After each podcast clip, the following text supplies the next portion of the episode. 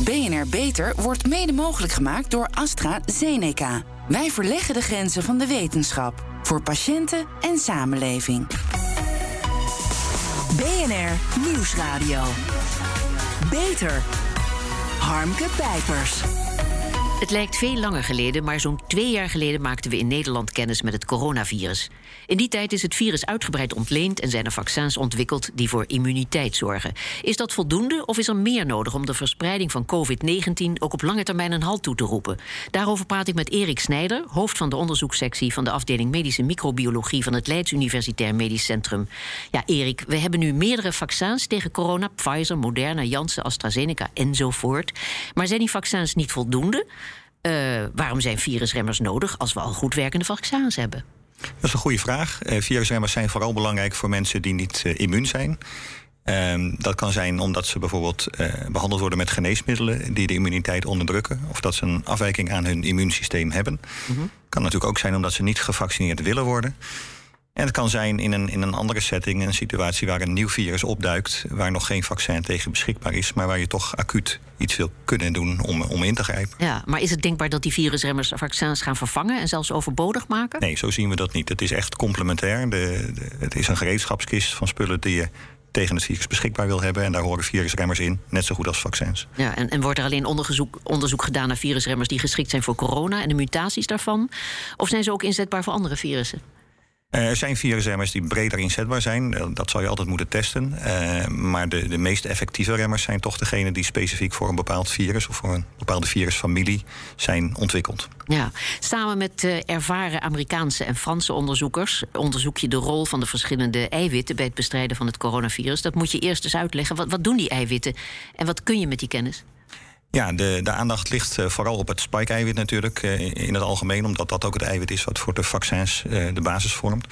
maar dat is maar één van de, de 25, 26 eiwitten die zo'n virus maakt. En dat is het eiwit dat het virus naar binnen helpt in de, de cellen van de geïnfecteerde persoon. En als het virus eenmaal binnen is, moet het zich gaan kopiëren. En bij dat proces komen die andere 25 eiwitten aan bod. En dat is eigenlijk een soort van kopieermachientje. Uh, wat uit een aantal onderdelen is opgebouwd. En die onderdelen kun je uh, specifiek blokkeren. En daarmee dus ook de vermenigvuldiging van het virus stoppen.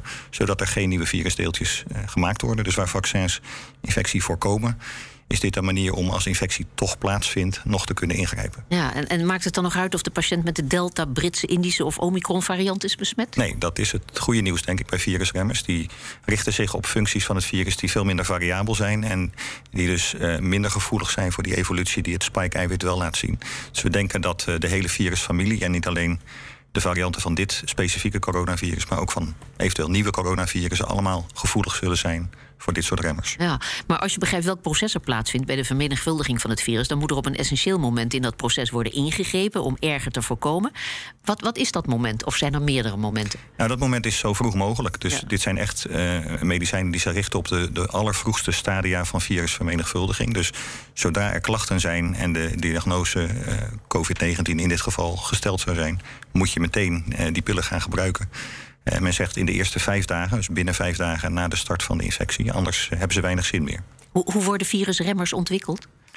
Dat kan op verschillende manieren. Er, er zijn uh, laboratoria die hele grote bibliotheken van chemische moleculen testen. Dus elk miljoenen moleculen die elk getest worden op antivirale activiteit. dan kun je geluk hebben en een, een, een goede vinden, of een, in ieder geval een startpunt om een betere te maken.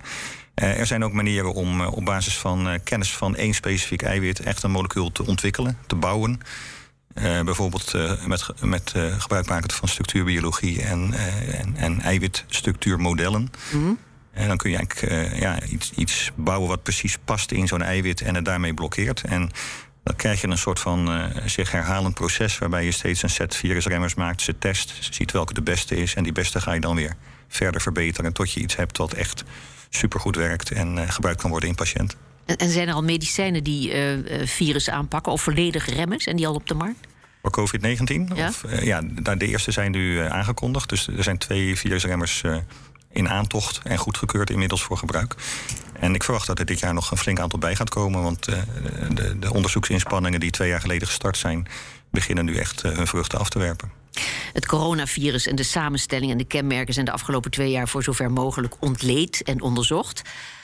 Um, uh, wat weet je nog niet van het virus? Wat moet je nog te weten komen? Ja, er zijn een heleboel detailvragen die elke specialist nog steeds wil, wil Mhm. verder wil onderzoeken. Maar daar zal ik jullie niet mee vermoeien. Ik denk dat een belangrijke vraag natuurlijk nog steeds is: waar is dit virus vandaan gekomen?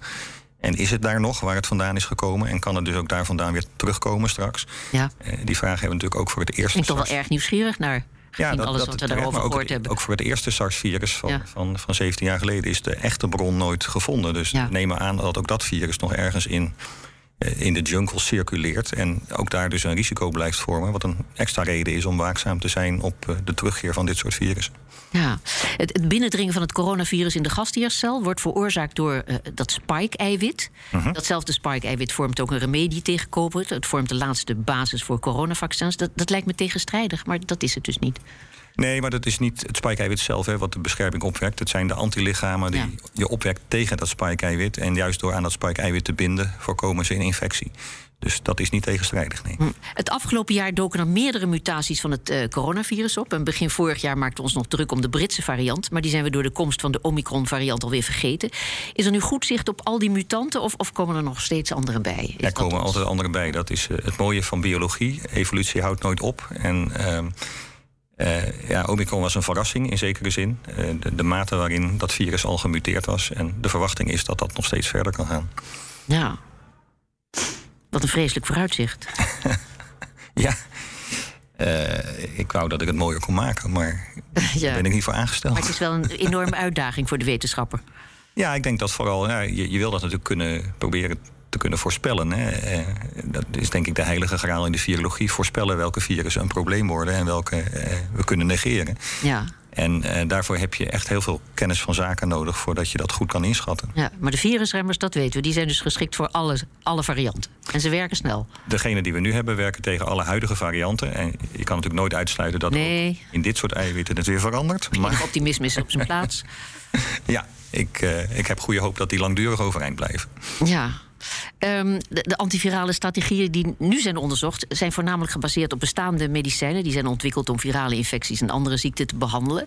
Zijn die strategieën voldoende? Of is er behoefte aan een, een heel nieuw ander soort medicijn? Dat is een interessante vraag. Ik weet niet aan wat voor medicijn je dan denkt. Maar ik denk dat de Nou, aan niks hoor. Gewoon Oh, iets anders wat hoopgevend is en wat, beter is. de huidige Ja. eh, aanpak prima eh, werkt. Eh, en ook, dat, zien we nu, dingen oplevert die, die snel bruikbaar zijn. Eh, het is alleen wel een kwestie van eh, blijven investeren. Vooral in eh, detailkennis van zo'n virus. Om precies te kunnen zien welke doelwitten van het virus je moet gebruiken. Waar, waar je de meeste effectieve remming kan veroorzaken. Ja. Ehm, tot zes jaar geleden verdiepte je onder meer in eh, de familie van coronavirussen. Maar wegens geldgebrek moest dan dat onderzoek eh, worden gestaakt. Hè? Hoe, onverstandig dat was, dat zien we dus tot op de dag van vandaag door de corona-uitbraak. Hè? Ja, het was natuurlijk niet het enige antivirale onderzoek in de wereld wat eh, gestaakt werd. Maar het was een groot Europees project wat zich op tien eh, families van risicovirussen richtte. En wat, eh, ja, denk door gebrek aan interesse en belangstelling moest stoppen. tot onze spijt. En eh, ja, eh, het had eh, geholpen als we dat werk hadden kunnen voortzetten. Want een van de families waar wij werkten waren de coronavirussen. Ja, en je bent de enige niet hè, die erg gefrustreerd raakte over. eh, Nee, maar ja, dat- Gebrek aan het belangstelling en leven van- inzicht. Zo is het leven van een onderzoeker. De, de agenda van een onderzoeker wordt deels bepaald door wat er in het nieuws is en, en wat, ja, wat goed ligt bij de, de policymakers. ja. Ja. Nu, nu tart wat er nu gebeurt natuurlijk ieders belangstelling. Maar eh, behoort dat tot, de levendige, eh, voorstel, voor- tot het levendige voorstellingsvermogen van de wetenschapper? Heb je ooit aan een pandemie gedacht? Nou, sinds 2003, het eerste SARS-virus, hebben we nadrukkelijk met die mogelijkheid eh, rekening gehouden en daar ook voor gewaarschuwd. En natuurlijk kwam er nog een tweede waarschuwing in de vorm van het MERS-coronavirus, Ja. wat gelukkig een, een vrij mild virus is, wat zich niet zo goed verspreidt als eh, het eh, SARS-coronavirus 2.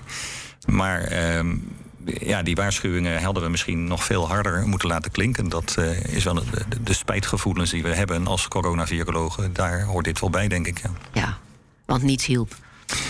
Nee, nou ja, je kan niet alles betalen, ook als onderzoeksfinancier niet. En ehm, de virologie competeert met allerlei andere wereldproblemen die ook onderzocht moeten worden. Ja. Zo realistisch moet je ook zijn. En, en ondertussen, eh, sinds je promotie decennia geleden, werk je aan eh nidovirus, de orde waar ook coronavirus onder vallen. Wat, eh, waar kwam jouw fascinatie vandaan? Ja, we waren vooral in virussen uh, geïnteresseerd door hun unieke biologische eigenschappen. Ze kwamen vooral in, in de dierenwereld voor. En in mensen voor, voor, veroorzaakten ze eigenlijk alleen maar een verkoudheidje. Uh, totdat dat eerste SARS-virus kwam en duidelijk werd dat ook coronavirus in de mens dodelijk kunnen zijn. Ja, en wat er daarna gebeurd is in, in 2019, 20, dat konden wij ons ook niet voorstellen. Daar zullen we eerlijk over, over zijn. BNR Nieuwsradio. Beter. Harmke Pijpers. Erik Snijder verdiepte zich in uh, de familie van de coronavirussen, maar wegens geldgebrek moest een onderzoek worden gestaakt. Dat was heel onverstandig en daar praat ik over verder met Erik Snijder, hoofd van de onderzoekssectie van de afdeling Medische Microbiologie van het Leids Universitair Medisch Centrum. Ja, je hebt uh, hier tot zes jaar terug ook in Europees verband aangewerkt. Hè? Maar wegens geldgebrek moest het onderzoek dus worden gestaakt. Je hebt toen nog een verklaring opgesteld met collega's dat het niet verstandig was dit, om dit onderzoek te staken. Waarom leek je dat toen niet verstandig? Wat voorzag je allemaal? Nou, ik denk dat de dreiging van uh, een virusuitbraak zoals we die nu gezien had, uh, wel op onze agenda stond. En natuurlijk waren er sinds uh, de eerste SARS-virus ook diverse andere virusuitbraken geweest die misschien niet pandemisch waren, maar wel heel grootschalig. En eigenlijk op dezelfde manier aangaven dat de manier waarop we op dit moment op de planeet leven en onder andere met dieren omgaan, ja, leidde tot risico's op ja. overdracht van virussen uit de dierenwereld. Destijds behelste jouw project tien virusfamilies die een pandemie konden veroorzaken. Daar zat dus SARS bij, dat veel dodelijker was dan COVID-19, maar onder de streep minder doden veroorzaakte, omdat het virus zich langzaam verspreidde. Uh, begrijp ik het nou goed? Er zijn dus nog veel meer virusfamilies die een, een, pandemie kunnen veroorzaken? Absoluut. Er zijn ook nog veel meer coronavirussen. Dat, dat, ja. dat hoor je niet veel. Maar eh, zowel SARS-1 als 2 komen uit een grote wolk van coronavirussen in de dierenwereld. Die, eh, naar wij vrezen, eh, veel eh, vertegenwoordigers bevat die ook rechtstreeks naar de mens zouden kunnen overspringen. En daarnaast zijn er inderdaad een, een tiental virusfamilies, voor een deel ook weer luchtwegvirussen die um, ja, risico's met zich meedragen. Influenza is natuurlijk al een, bekend fenomeen. Ja. Um, maar er, ja, een aantal minder uh, bekende virusfamilies zou net zo goed een, een volgende pandemie kunnen veroorzaken. Dus ja. um, de, de verbeteren van de startsituatie van de uitgangspunten voor virusbestrijding zou zich echt niet tot coronavirussen moeten beperken. Dat is wel duidelijk. Wat een interessant vooruitzicht. Zo noem ik ja. het dan maar. Nou ja, dat, dat, dat vraagt dus echt een, een, een plan voor de middellange termijn. Waar eh, zeg maar, de politieke en virologische dagkoersen geen impact op hebben. En waar je eh, 10, 20 jaar kan doorwerken om die betere startpositie ook te bereiken. En ja. voor al die tien groepen iets uh, op de plank te hebben liggen. En, en zijn overheden inmiddels zich voldoende bewust van de risico's? Luisteren ze naar de waarschuwing van mensen zoals jij? Ik weet niet. Ik denk, je hoort dit soort geluiden natuurlijk uh, al een tijdje nu. Uh, aan de andere kant, er is heel veel aandacht voor dit virus in dit jaar hè, en, en de huidige problematiek. En dat is heel begrijpelijk. Ja. Uh, maar dat is eigenlijk niet anders dan het natuurlijk in, in 2003 met het eerste SARS-virus ging. Hè. De, de aandacht was acuut en de aandacht was overweldigend. En dan zakt het in. En ja, dat is de fase waarin je moet uitkijken dat het niet zo ver inzakt dat je straks weer in dezelfde fout uh, vervalt. Ja, de uitbraak van COVID-19, het aantal besmettingen, doden en de wereldwijde impact lijkt zoveel ernstiger dan de relatief kleine virusuitbraken uh, in de afgelopen decennia. Hoe kan dat? Nou, er zijn andere uitbraken geweest die best uh, grootschalig waren. Als je het Zika-virus nog kunt herinneren. Ja. Dat, dat, heeft ook echt vele miljoenen, tientallen miljoenen mensen geïnfecteerd. Alleen uh, gelukkig uh, is dat een virus wat lokaal blijft, omdat het door muggen wordt overgedragen die hier niet uh, voorkomt. Dus dat Ja. heeft Noordwest-Europa nooit gehaald. Nee, maar waar we wel mee te maken hebben is eh, wereldwijd nu ook eh, grote uitbraak van de vogelgriep. En toch hoor je daar vrij weinig over. Ja, ik denk, dat, ik denk als er geen eh, COVID-19 was geweest, dat het anders was geweest. Dat dat veel meer aandacht Wel, had gekregen. Ja, en het is ook een van de grootste uitbraken ooit. eh, zeker ook in Nederland. En slecht nieuws voor heel veel eh pluimveehouders al Ja. eh, afgelopen weken. Maar wat is dat nou? Wensen we de, de signalen te negeren? Eh, kunnen, we dit- kunnen we dat er niet bij hebben met de positieve signalen over Omicron? We willen terug naar vroeger, we willen uit eten, we willen shoppen, we willen vliegen. Ja, dat kan, maar dat is geen, dat is geen virologie, dat is psychologie. Daar ga ik niet Maar over. het speelt een grote rol hè, deze Ja, crisis. en daar krijg je ook mee te maken. Ik denk, ik denk als de, de pandemie iets heeft duidelijk gemaakt, is dat de virologische component, component maar toch uiteindelijk vrij beperkt is. En dat het daarnaast een, een heel verhaal is rond hoe mensen zich gedragen en hiermee omgaan. En eh, wat mensen wel en niet laten, willen laten schieten Ja, om een, een virus te beteugelen. buitengewoon frustrerend. Ja. Of valt het nee, ik ben niet zo gauw gefrustreerd Oh. wat dat betreft, sorry. Ja. Eh, de overheid heeft geen lange termijn beleid. Dat is een veelgehoord verwijt. Hè? We hebben nu een nieuwe coalitie, dus brandlos. Wat zou je ze adviseren om eh, te doen ten aanzien van de coronapandemie? Om te beginnen moet de, de, de oplossing natuurlijk in, internationaal verband worden gezocht. Want een pandemie bestrijd je niet land voor land voor land. Eh, en dat is al heel moeilijk gebleken. Eh, als je kijkt naar de weerwar van maatregelen en, eh, en strategieën die alleen al in Europa is gebruikt, dan is dat eh, best wel verbijsterend, denk ik.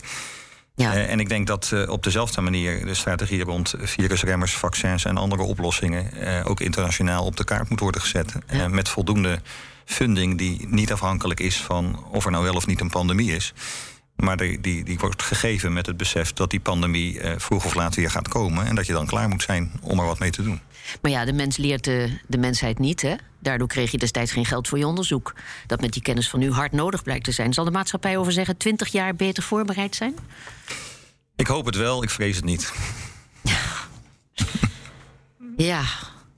Toen er net een eh, coronavaccin op de markt was, werd er gezegd dat als 70% van de Nederlanders gevaccineerd was, dan zou dat genoeg zijn om ook de ongevaccineerden te beschermen. Nou, het aantal gevaccineerden ligt nu veel hoger, rond de 90%. En toch zijn er nog steeds maatregelen nodig. Hoe is dat te verklaren? Waarom is dat nu niet genoeg? Ja, ik denk dat het simpele antwoord is virusevolutie. En, en die was uiteraard te voorzien. Alleen de mate en de snelheid eh, waarmee dat zich zou afspelen was onbekend. En het blijkt nu dat dat eh, heel snel gaat en heel snel grote impact heeft op hoe goed de vaccins eh, nog werken. Ja. Dus het is echt tijd voor een eh, aan Omicron aangepast vaccin. Maar de vraag is of, als dat er straks is, of Omicron dan ook nog het, eh, het dominante virus is. Ja, mensen die veel antibiotica slikken, die lopen het gevaar resistentie eh, te ontwikkelen. Geldt het ook voor virusremmers? Kan, kan, je, kan daar tegen ook resistentie ontstaan? oh, dat is een beetje nieuws. vergelijkbaar mechanisme.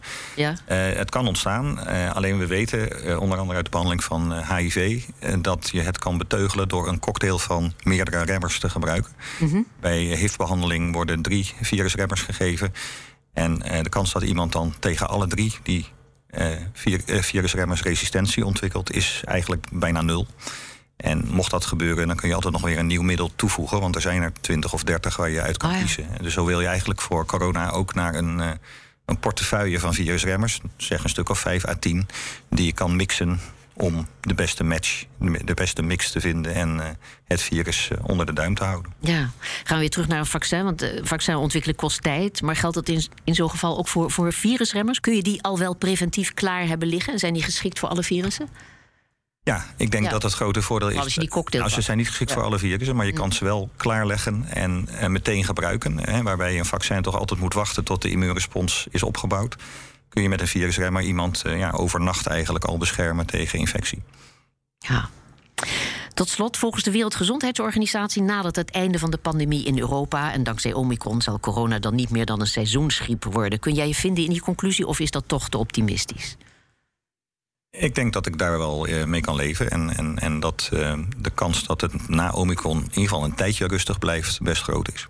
Ja, maar het gevaar van pandemie, van weer een, een vreselijk virus wat zich voortdurend weet aan te passen. Een SARS-3 is eh, zeker geen, eh, geen eh, scenario waar, waarvan je kan zeggen dat dat kan nooit gebeuren. Nee, ik denk dat we dat die fout hebben na SARS-1 eigenlijk gemaakt. Van Ja. er komt geen SARS-2. Nou, die Dus kwam dus wel. Dus we moeten leren leven met corona. ja, Ja. Goed, dankjewel. Succes. In gedaan. belang van ons allemaal. Dank, Erik Snijder. En wil je meer weten over virusremmers en het onderzoek daarna? Kijk dan op www.bnr.nl/slash beter. Zorgvernieuwers. Er zijn volop ontwikkelingen in de zorg. Nieuwe medicijnen, technieken en behandelmethoden maken het leven van de patiënt beter en het werk van de specialist makkelijker. Wat zijn de laatste innovaties? Het inbrengen van een katheter gebeurt meestal in een operatiekamer en de patiënt moet onder volledige narcose. Maar in het Bravis ziekenhuis doen ze het anders. Marga Eshuis is nefroloog, dat is een internist gespecialiseerd in nierziekten.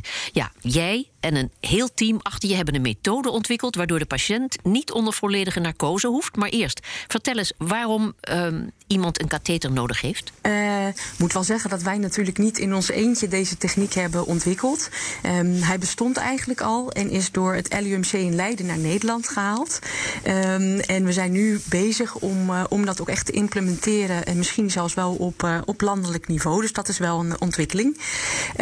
Ja, en zo'n katheter. Ja, ik vrees dat het dan toch een beetje een technisch verhaal wordt. Je moet je voorstellen dat als je bij mij op de poli loopt en je echt een nierziekte hebt, waarbij je nieren uiteindelijk helemaal stoppen met werken, dan heb je dialyse nodig. Mhm. En dialyse heb je eigenlijk in twee vormen: via het bloed, dat noemen we hemodialyse, en via het buikvlies, dat noemen we peritoneale dialyse. En voor die laatste heb je dus eigenlijk een katheter nodig die in je buik komt. En dat is een plastic katheter die we dan moeten inbrengen. En voor sommige patiënten is het dus gunstiger als ze niet onder narcose gaan, hè? Ja, ja, dat heeft te maken met uh, hoe de rest van de gesteldheid van de patiënt is. U moet zich voorstellen dat sommige van mijn patiënten... die hebben eigenlijk een heel slecht hart. Um, en als je een heel slecht hart hebt en je zou onder volledige narcose moeten gaan... Uh, dan is dat een risico wat we moeten nemen. Uh, en zeker voor patiënten met hartfalen. Hè, dat betekent dat de pompkracht van het hart echt tekort schiet... is elke narcose een risico. Ja, maar mensen die niet onder narcose gaan, die kunnen eerder naar huis. Ze hoeven niet naar een operatiekamer. Dat scheelt naast veel tijd ook een boel geld. Kan deze methode uiteindelijk dan ook voor iedereen worden toegepast? Nou ja, vooropgesteld, niet iedereen heeft natuurlijk dialyse nodig. Um, maar inderdaad um, is het wel zo dat als je niet onder de volledige narcose hoeft, dat je ook niet hoeft te blijven slapen voor een nachtje in het ziekenhuis. Uh, en dat zou, kijk, geld, ja, dat klinkt altijd heel erg fijn als dat scheelt. Maar wat het voor mij heel belangrijk maakt, is dat het voor mijn patiënt een dag opname scheelt. En dat is toch weer een dag in het ziekenhuis, ja. We hebben wel wat beters te doen dan in een ziekenhuis slapen. Ja, dat vind ik ook. Prachtig slotwoord. Hartelijk dank, Marga Eshuis. En wil je meer weten over deze methode zonder algehele narcose? Kijk dan op www.bnr.nl/slash beter. En tot zover deze uitzending van BNR Beter. Op bnr.nl/slash beter is deze uitzending terug te luisteren van de maand via de BNR-app en op uw favoriete podcastplatform. We zijn ook op Twitter te vinden onder BNR Beter. Heeft u tips voor ons? Laat het ons weten. Ik ben Harmke Pijpers. Graag tot een volgend spreekuur. BNR Beter wordt mede mogelijk gemaakt door AstraZeneca. Wij verleggen de grenzen van de wetenschap voor patiënten en samenleving.